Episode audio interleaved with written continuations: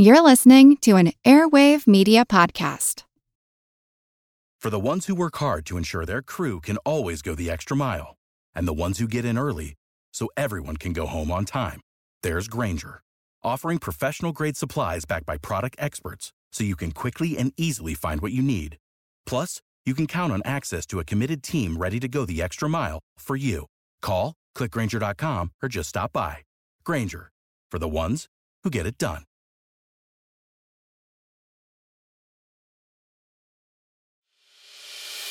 As a longtime foreign correspondent, I've worked in lots of places, but nowhere as important to the world as China.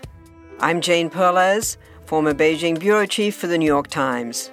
Join me on my new podcast, Face Off US versus China, where I'll take you behind the scenes in the tumultuous US China relationship. Find Face Off wherever you get your podcasts. This is Kick Ass News. I'm Ben Mathis.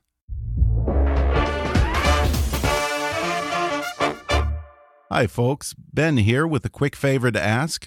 There are some great advertisers who support the show, and in order for them to continue doing that, I need your help. Please do me a favor and go to podsurvey.com slash kick and take a quick anonymous survey that will help us get to know you a little better. Even if you've taken our show's podcast listener survey before, the current one is new and different, so I'd really love for you to take it again.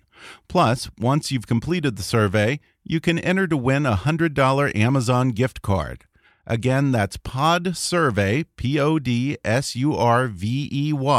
dot com slash kick. Thanks for your help, and now enjoy the podcast. Hi. I'm Ben Mathis, and welcome to Kick Ass News.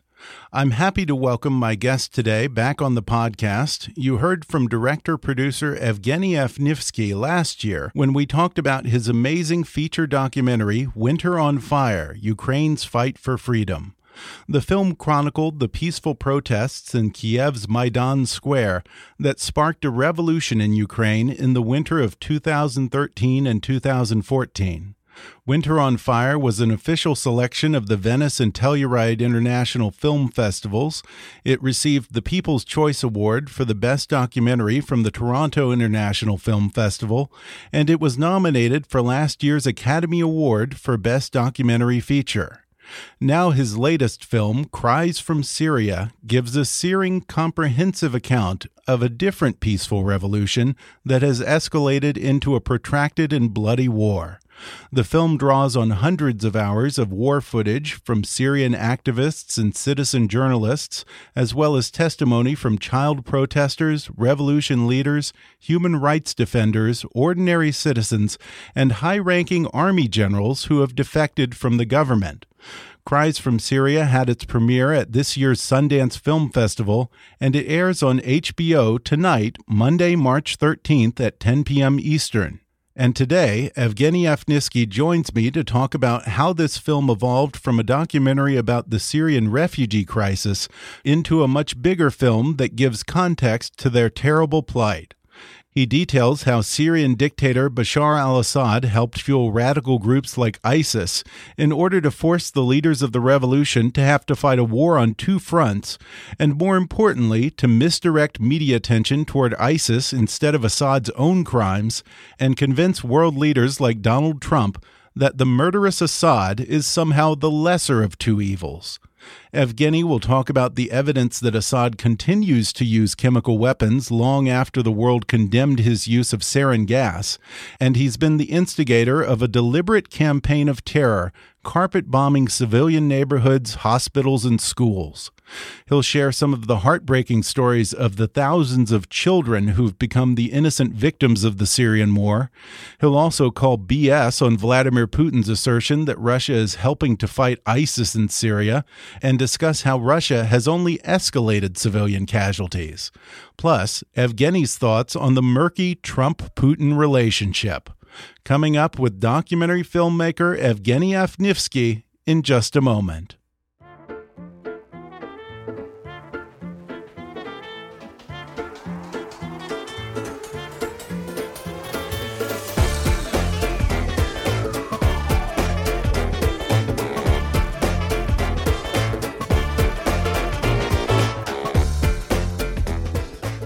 I'm happy to have Oscar nominated director Yevgeny Ifnivsky. I'm going to ask again. Did I get that right this time? You got it very close. I yes. got very close, you said. I get I guess we need to meet another couple of times so last year I, I, had I had all kinds of problems. Yevgeny Ifnivsky?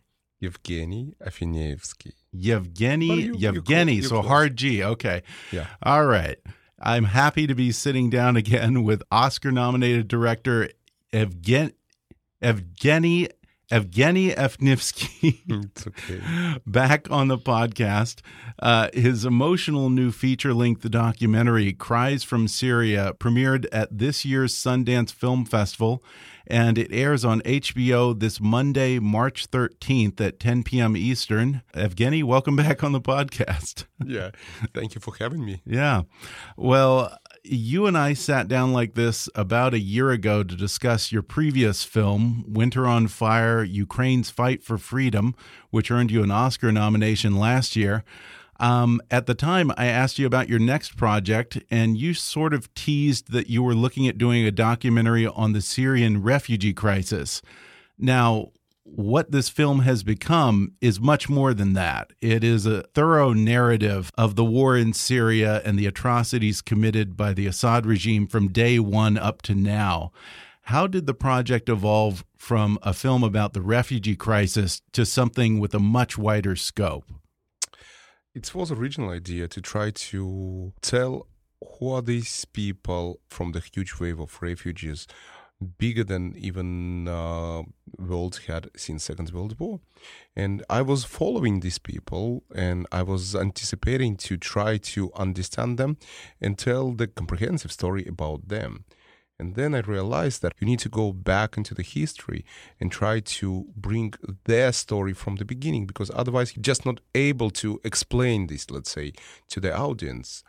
The only way it was to go find the icons of the revolution, how it started in 2011, and start with their stories. What brought them to the streets? Why they started to protest? What was the spark of the revolution? What inspired them? And how this revolution or uprising became the civil war and then intervention, and at the same time, as the consequences, creating these massive waves of the refugees. So I decided to reconstruct the journey into the darkest side of the Syrian history, journey into the darkest side of humanity, as we can see in the movie. Um, I wonder, do you think that there's a mental disconnect in people's minds between the refugee crisis and the source of the refugee crisis, the Syrian war? First of all, let's uh, remember that in my movie, I'm explaining the birth of ISIS and Al Qaeda in Syria that President Bashar al Assad in 2011 released two groups of criminals from his prisons. One group was uh, heavy criminals that later on became Shabiha, who were doing kidnapping and all dirty stuff for him, all other atrocities. And the other heavy criminals that were released in 2011 were the radicals. 99% were affiliated with Al Qaeda. And even the head of uh, Jabhat al Nusra or Al Qaeda in Syria, Abu Muhammad al Julani, was in prison in Syria up until 2011, until he was released from Assad's prison. So this element helped him to destabilize the situation in the country and at the same time creating from these radicals uh, Al Qaeda, Jabhat al Nusra, and ISIS in Syria. It helped him to kind of uh, uh, put attention of the world to the terroristic organizations like Al Qaeda and ISIS mm-hmm. specifically, mm-hmm. and take attention from him that allowed him to use chemical weapon and uh, creates much more bigger crimes. For the Syrian people who exposed to this war, their chances in Syria is to die in Assad's prisons from torturing, to die under the uh, shelling of Assad or Russia, under the bombs, to die in ISIS hands or uh, any other fundamental group's hands. The Syrian people can have only one chance to survive if they will leave the country, if they flee the country. So they're seeking shelter. So it's again different motivations mm-hmm. for different refugees. With Cries from Syria and Winter on Fire, your previous film, there are similarities in that you follow what starts as a peaceful protest and then escalates into civil war. But you enter at very different points in those two stories and with varying degrees of resolution at the end. Um, did you approach Cries from Syria differently than your previous film? Yes. Remember that in uh, Winter on Fire, I was on the ground from the beginning. So I've been able to witness things. And for me, I had organic full stop after 93 days when the Maidan and the events mm-hmm. on the square achieved their goals because of the unity. If we go into the Syria, it was my idea to tell the refugee story. But then I discovered much more behind that. Kids were the first victims and yeah. the first heroes and radicals were trying to uh, take them under their wings and create terrorists from them because they were easy target. In the same time, kids were also fighters on a both sides, Free Syrian Army, mm-hmm. other place. So I realized that my main goal will be the kids. So each one two years apart. Aylan was three years old when he died. Uh, and is symbolizing for me death of the young people in Syria, and this is how the revolution started with the death. Mm-hmm. Death inspire, inspires people to go on the streets. Death of their own kids, rape of their own uh, wives, inspired people to take weapon in their hands to protect their families, and they be- became soldiers. So Omran Daqneesh, uh, whom we saw all in an ambulance uh, five year old child. He became for me icon of survival and struggle for the these kids. And then Bana Alabed, seven year old girl, who just wrote a letter to President Trump, and he's not responded at all. He neglected this. Mm. That the child uh, asking him for help. Uh, Bana became for me some kind of hope. So I think for the first time I try to put them in one story, story of the Syrian uh, nation. And is that what touched off or escalated the protests into a full scale revolution when these children were going and you know spraying graffiti on a wall saying eh, what was it it's, it's your, your, turn, turn doctor, doctor. Yes. referring to Bashar al-Assad who was uh, an ophthalmologist, I think. Yes, he was trained ophthalmologist yeah. in UK because, yeah. uh, according to my research, uh, he never was prepared to be a president. His brother, who was accidentally killed in a car accident, was prepared by Hafez al-Assad, his dad, to be a president, and then the death of his brother and death of his dad in 2000 makes him all of the sudden the president because they were living under the totalitarian regime. So at the end of the day, he becoming like a king to the throne, and he is the one who becoming the president. And yes, he was a trained ophthalmologist in UK. And so these kids sprayed these epithets or you know like child's play on a, on a wall or in the streets. They were then arrested and these were children like what 11 Listen, 12 years old were tortured i interviewed summer. I found uh, i found five of them alive. Hmm. i found five who survived the massacres.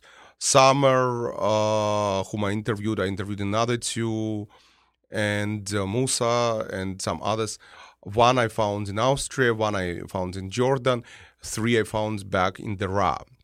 And actually, Summer and two of his other friends, they were in Jordan before, but they returned back to Syria to fight in Free Syrian Army. They're part of Free Syrian Army.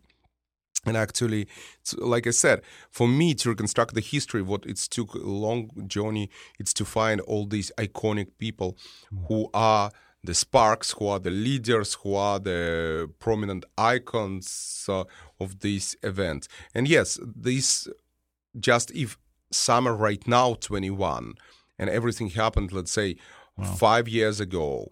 So you can imagine that he was by this time literally 16, and some of the kids that you saw that were killed, like uh, the little ones, they were 11, 12, 13 mm. years old. Yeah, and one of the ones who didn't survive that you focus on in the film, his name was Hamza. Hamza al Khatib. Yeah. What what happened to him? He was arrested, and then, in order to kind of uh, cover the, uh, their crimes, the regime started to accuse him in the press that he was trying to rape the wives of the officers of the REA. But it's, you know what, it's not making sense that 12 year old, 13 Yeah. years old child going and raping wives. It's, it's absolutely ridiculous. But he was arrested, and later on, his body were literally given to their parents back. That mm-hmm. sparked a huge, huge event and escalated the situation in Iraq. Yeah, and if I remember correctly, he had been tortured. He had cuts on his body. His genitals had been chopped off. Yes, absolutely. Wow. And this is just a kid. Um, another one of the stories that you focus on is one of the martyrs of the revolution. I hope I have his name right. Giath Matar. Giath. Matar.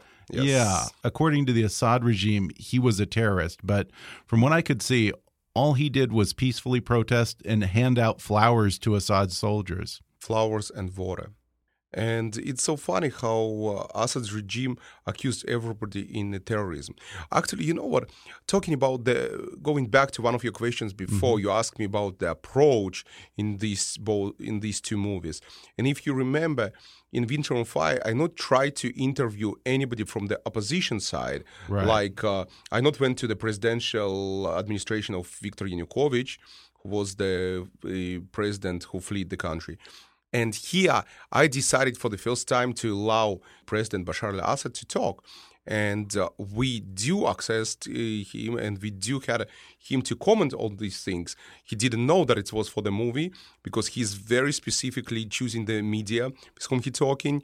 And uh, as you see in a movie, he is responding to all these things, and he openly saying that these people are the terrorists.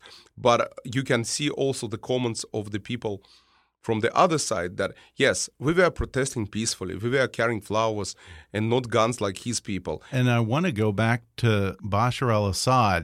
I assumed that that was just uh, stock footage that you used. That was your interview with him? No, it's That was not our guys- Oh, interview. okay. We asked one of the main journalists in uh, Ah, in the Czech Republic, who is an amazing political person, to go and to interview him for the Wow. specifically Czech TV. And he did it for I the see. Czech TV, but we realized that this is the only way to get to him because he's very, very specifically choosing the interviews that he's doing. He even not allowed to Czech TV to have Mm-hmm. their own crew. It's only Michael Kubal who specifically been able to reach him and did this interview. So we used it for our benefit and we used it because we needed to have Bashar al-Assad to talk to the audience. We needed him to say what he thinks from his point so nobody can say that I'm doing only one side of the story. We want to hear his point of view on these things. Even it's uh, a wrong point of view. Yeah. We, we want to hear that.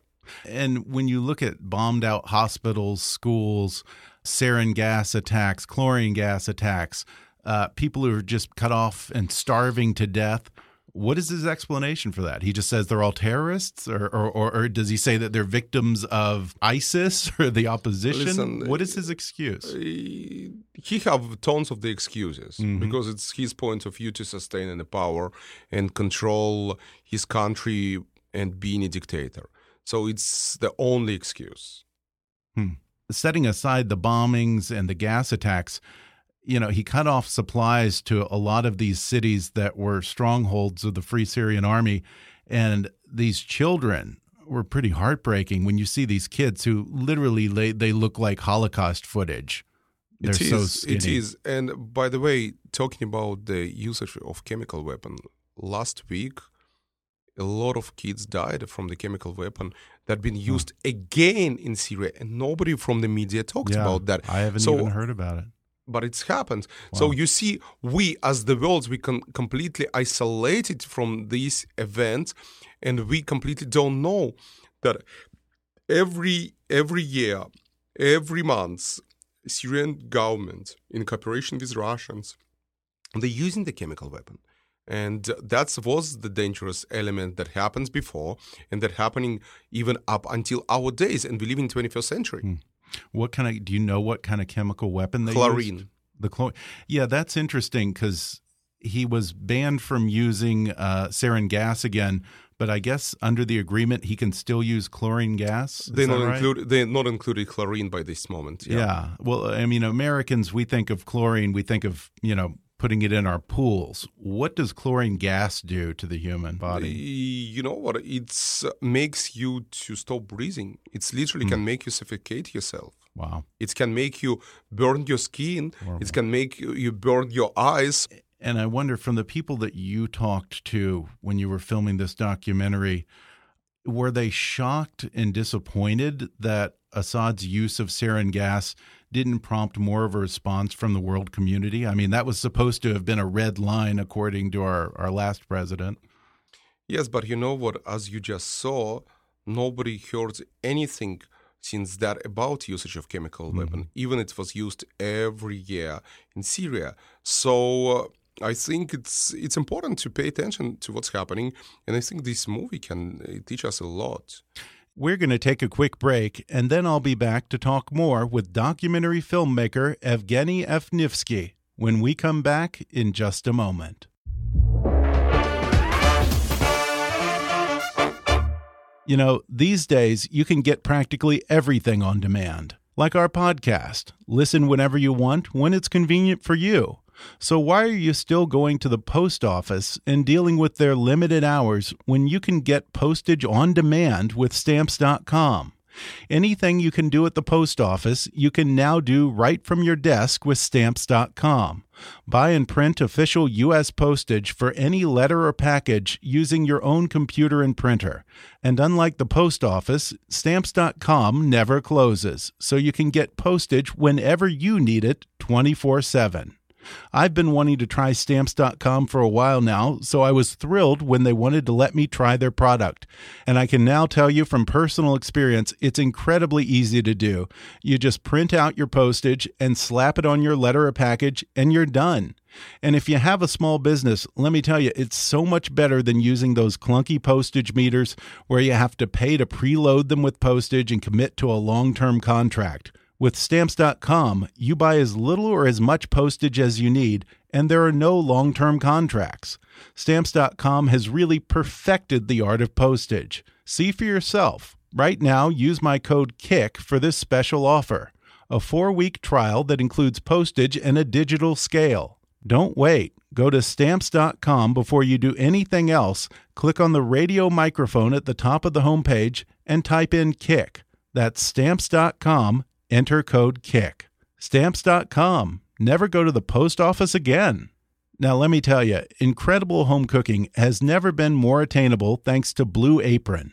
Because for less than $10 a meal, Blue Apron delivers easy to follow seasonal recipes along with pre portioned ingredients right to your door. No more overspending at restaurants or high end grocery stores. With Blue Apron, you can prepare delicious, memorable meals yourself in under 40 minutes. Not to mention, Blue Apron has partnered with over 150 local farms, fisheries, and ranches across the U.S. to ensure that all of their ingredients are of the highest quality. And because Blue Apron ships the exact amount of ingredients required, there's no food waste. It's delicious, quality food that you can feel good about. Some of the meals available in March include salmon piccata with orzo and broccoli, pork chops and miso butter with bok choy and marinated apple vegetable chili and baked sweet potatoes with crispy tortilla strips, and spicy shrimp coconut curry with cabbage and rice. Check out this week's menu and get your first three meals for free with free shipping by going to blueapron.com slash kick. You'll love how good it feels and tastes to create incredible home-cooked meals with Blue Apron. So don't wait. That's blueapron.com/kick. Blue Apron, a better way to cook. Folks, whether you're starting an online business or trying to get your existing business online, GoDaddy wants to help. GoDaddy's mission is to radically shift the global economy toward life fulfilling independent ventures, helping customers kick ass by giving them the tools, insights, and the people to transform their ideas and personal initiatives into success. With more than 62 million domain names under management, GoDaddy is the world's largest technology provider dedicated to small business and the largest domain registrar. They have award winning 24 7 support and everything you need to build your online business. Whether you have a new idea or an established business, the key to success online starts with a great domain name, and GoDaddy is trusted by 13 million customers, more than any other registrar, with big savings over the other guys. And right now, my listeners can get 30% off new purchases on GoDaddy.com by using the code KICK30 at checkout. That's GoDaddy.com, code KICK30 for 30% off. Again, GoDaddy.com and offer code KICK30. And now, back to the podcast. Assad has done a pretty masterful job of propaganda here in that he's changed the narrative from this was a civil war and people fighting for their freedom to it's basically in the West at least now it's portrayed as a war against ISIS. Um, one of the officers for the Free Syrian Army in the film points out that while ISIS is horrible and they have committed heinous humanitarian crimes, 98% of the atrocities, according to him, in Syria have been committed by Assad. I mean, certainly ISIS needs to be eliminated, but have we lost sight of who the real enemy is in I, Syria? I, I think Assad created the ISIS and all these radicals in order to shift our attention from his atrocities and his crimes mm -hmm. to something else and bring fear to the entire world through the propaganda. Now, I also want to point that this general that you just uh, mentioned, he was responsible during the Assad regime for all chemical weapon. So oh. he was the first uh, kind of first-hand account for me to talk about how the chemical weapon was designed in Syria, uh, from where it came, how they used it, and he defeated only after he was pushed to use chemical weapon majorly mm. on the civilians. And he even said that we tried to not to use this, and I just switched the sides because I can't do it on my brothers and wow. sisters. So this general was one of the people, main people, who was responsible for chemical weapon in the Assad regime army. You know, we were talking about the fact that Assad released a lot of jihadists from prison, that he brought in insurgents from Iraq, Afghanistan, Hezbollah.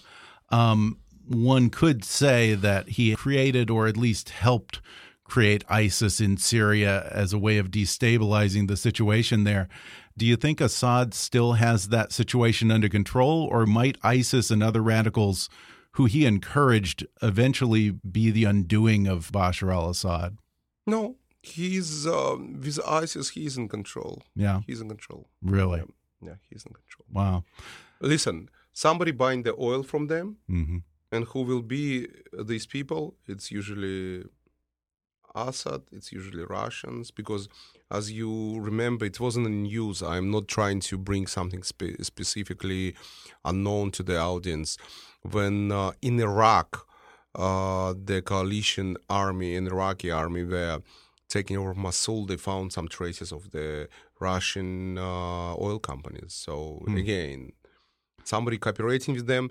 Now, most of the weaponry that I saw in Syria was Russian made.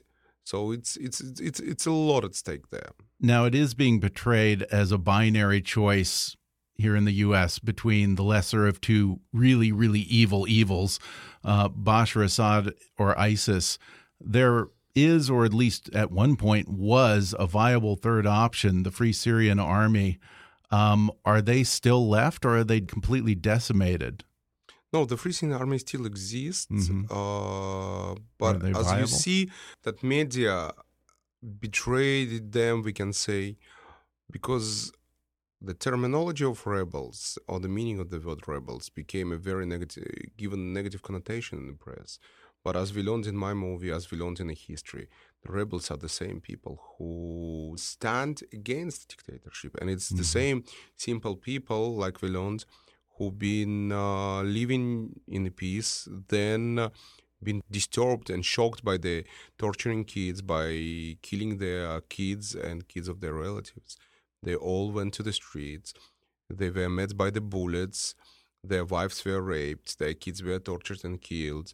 They uh, took weapons in their hands, and uh, some of the Bashar's army realized that they can't uh, shoot bullets real bullets into the same brothers and sisters. So they turned against Bashar al-Assad, and then it's created the Free Syrian Army that some of the military officers and soldiers from the regime army became a part of Free Syrian Army. They exist, but they're not strong like they were at the mm -hmm. beginning.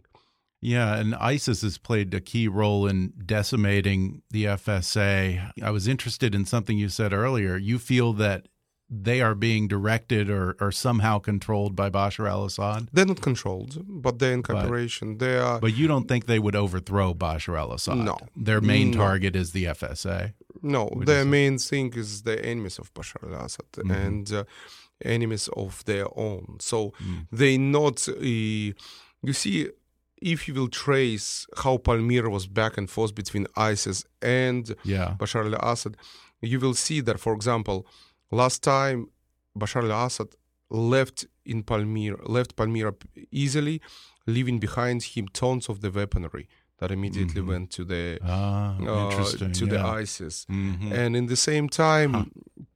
you know what? There is no fight between uh, regime and ISIS. Mm-hmm. The fight are usually between ISIS and FSA. Somebody who is against Assad, somebody who is uh, against uh, ISIS or Bashar al-Assad. Same with Al Qaeda, with Jabhat al-Nusra. They're all mm-hmm. kind of. Uh, it's tricky right now. They just rebranded as uh, Al Nusra Front, but uh, it's all not in favor of the Syrians who are standing against the dictatorship. Yeah. yeah. and I want to talk about your old nemesis, Vladimir Putin. In some ways, this film reunites you with him. Um, you lay out a lot of the blame for this humanitarian crisis squarely at his feet. It does seem that things have been escalated since the Russians got more heavily involved. Um, Putin says that Russia is helping fight ISIS. The people who I'm seeing in this film killed and injured don't look like ISIS fighters to me. No, absolutely not. And you know what? It's not that I'm uh, trying to blame him. It's not that I'm reunited with everything what I had before. I just, let's say, bringing the another story, another story of injustice, another unhuman story. And uh, unfortunately, for the Russian people, whom I'm not blaming for that because they're living under the dictatorship too and propaganda, mm-hmm. uh, we can witness that it's all comes to their president, same like it comes to the president of Syria, comes mm-hmm. to their government too, who are responsible for these atrocities. With any war, there are going to be civilian casualties, but in the case of the Syrian war in particular, there are dozens of hospitals and schools and civilian apartments being bombed. It seems like it's more than just collateral damage. Do you believe that Assad, aided by Russia, are deliberately targeting civilian targets? Yes, because his main goal is to bring fear, hmm. to break people, to break people, to break human spirit, to break human's dignity. It's to bring fear. Hmm. And hospitals, schools, it's to break people, to make them fear, to make them to give up has Russia escalated the innocent deaths? Yes. Wow. On a slightly brighter note, I guess, I want to talk about the white helmets. Cries from Syria also spend some time with the now legendary white helmets. Uh, who are they? They're amazing people because they're volunteers mm. of different professions teachers, doctors, lawyers. They all came together to help to save lives. Hmm. And as much as the propaganda says that they're affiliated with Al Qaeda because they're operating on the territories that are not regime, but it's territories that mostly were under FSA, Free Syrian Army. So you can't tell that they are operating under Al Qaeda. And it's absolutely wrong assumption and it's absolutely r- false accusation because some of them are dying trying to save lives. I met some people who've lost legs or lost hands or lost some parts of the body trying to save people's lives. So they're extraordinary people. To date, I think 7 million people have been displaced. You point out that two thirds of them are women and children. What do these refugees go through to escape Syria and get to safety? You know, the interesting thing that the people who fled Syria, it's at least people who had some money. People who not really? had money at all or not had uh, any ability to sell anything, they're still there and they're struggling. Trapped. Yeah, they're trapped. And it's it's involves money because you need to pay bribes, bribes to the checkpoints to allow them to go through, bribe to the smugglers to smuggle you through the borders, uh, who had mo- more money, been able to be being smuggled through the sea, and so a lot of people died on Right, this journey between Turkey and Greece. Uh, some people been able to get their kids out on their own, just to kind of save the kids' lives. So it's it's a really sad story. It's a really sad story, and I think European Union, like us, need to learn more about these people. Need to learn to understand who are these Syrian people and that they're looking for the shelter. Because 99.9 percent, they all wants to go home. They're not looking to take over European Union, how it's presented in the press that they are coming and trying to implement Islam on us. No, mm-hmm. they're not. Absolutely not. And I spent a lot of time with all of them, and I not felt any threat. Nobody tried to uh, kind of uh, advocate for me Islam or something. They respected my uh, beliefs and my religion, and uh, they all for the for all of them, I became like another brother from another mother, and it was amazing to feel this bond and uh, get my respect. They respected me as a filmmaker. They respected me as storyteller. They, it's it was a period that I needed to gain their trust, to build their tr- to build trust between us because uh, they were burned by a lot of media. So it took time with some of the characters, and I think for them who were fighting since 2011 for these values, I think uh, what we have in here we need to cherish Mhm. because we can lose it easily. And I think this is the sentence that I already said after finishing Winter on Fire, but I want to repeat it. We need to cherish what our founding fathers stood for because we can lose it easily. We need to cherish all these essential values of democracy, freedom of speech, and uh, freedom of expression, uh, free press. Uh, it's important what we have here. And I think uh, we need to start not to take things for granted. Mhm. Uh, with President Trump's determination to close the border to Syrian refugees, do you fear that we may be making the same mistake we made in the mid and late 1930s when America and other countries refused to accept and aid Jewish refugees and basically sent them back to their deaths? What choice will be left for these Syrian refugees?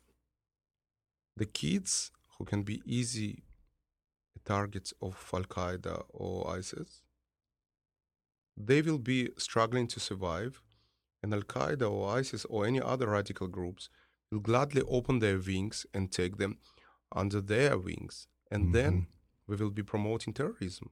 Yeah. We will be promoting terrorism instead of help to these kids to find their future and then go back to Syria and rebuild Syria.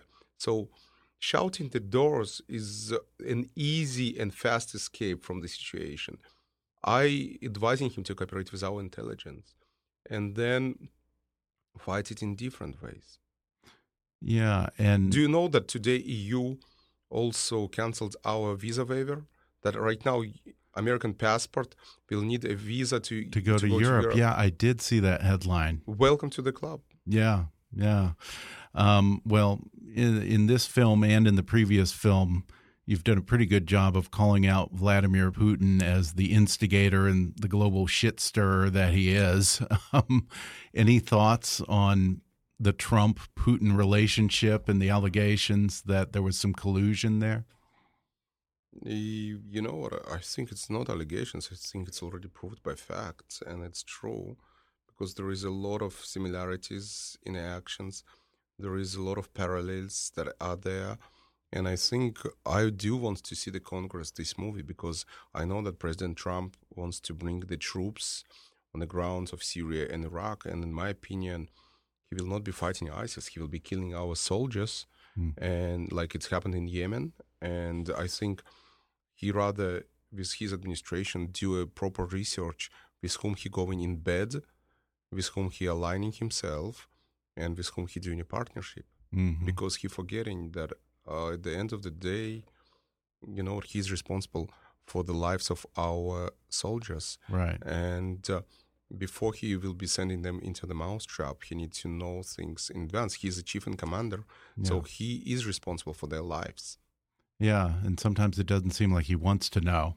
And it certainly doesn't help that he's making enemies with our intelligence services. Absolutely. Uh, well, uh, any idea what your next project might be? I asked you not last year, of, so not as of right now. I yeah. just literally a few weeks ago finished. Maybe the one. Trump Russia connection. Maybe maybe. You know, I I know I, I, know who doing this movie right now. I have oh, friends do? who doing this mm. movie, yeah, and they trying to okay. do it.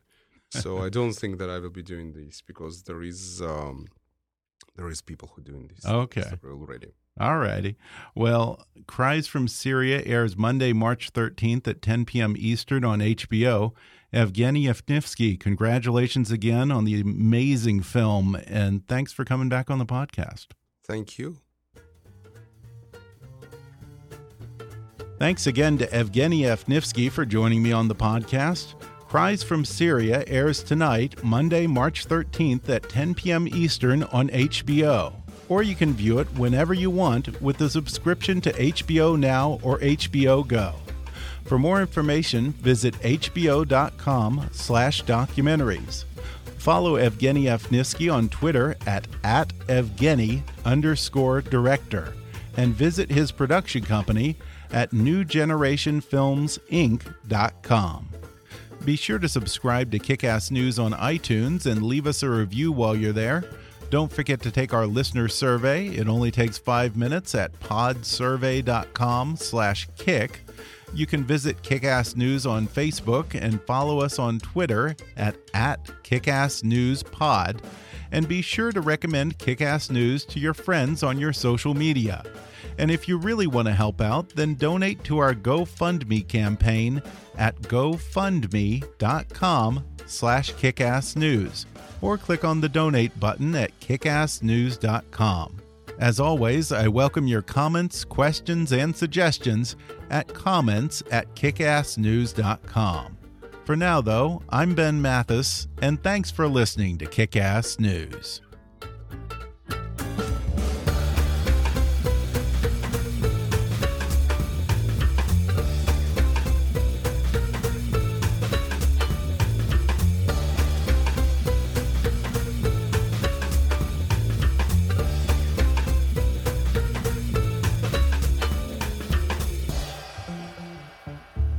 Kick News is a trademark of Mathis Entertainment, Inc.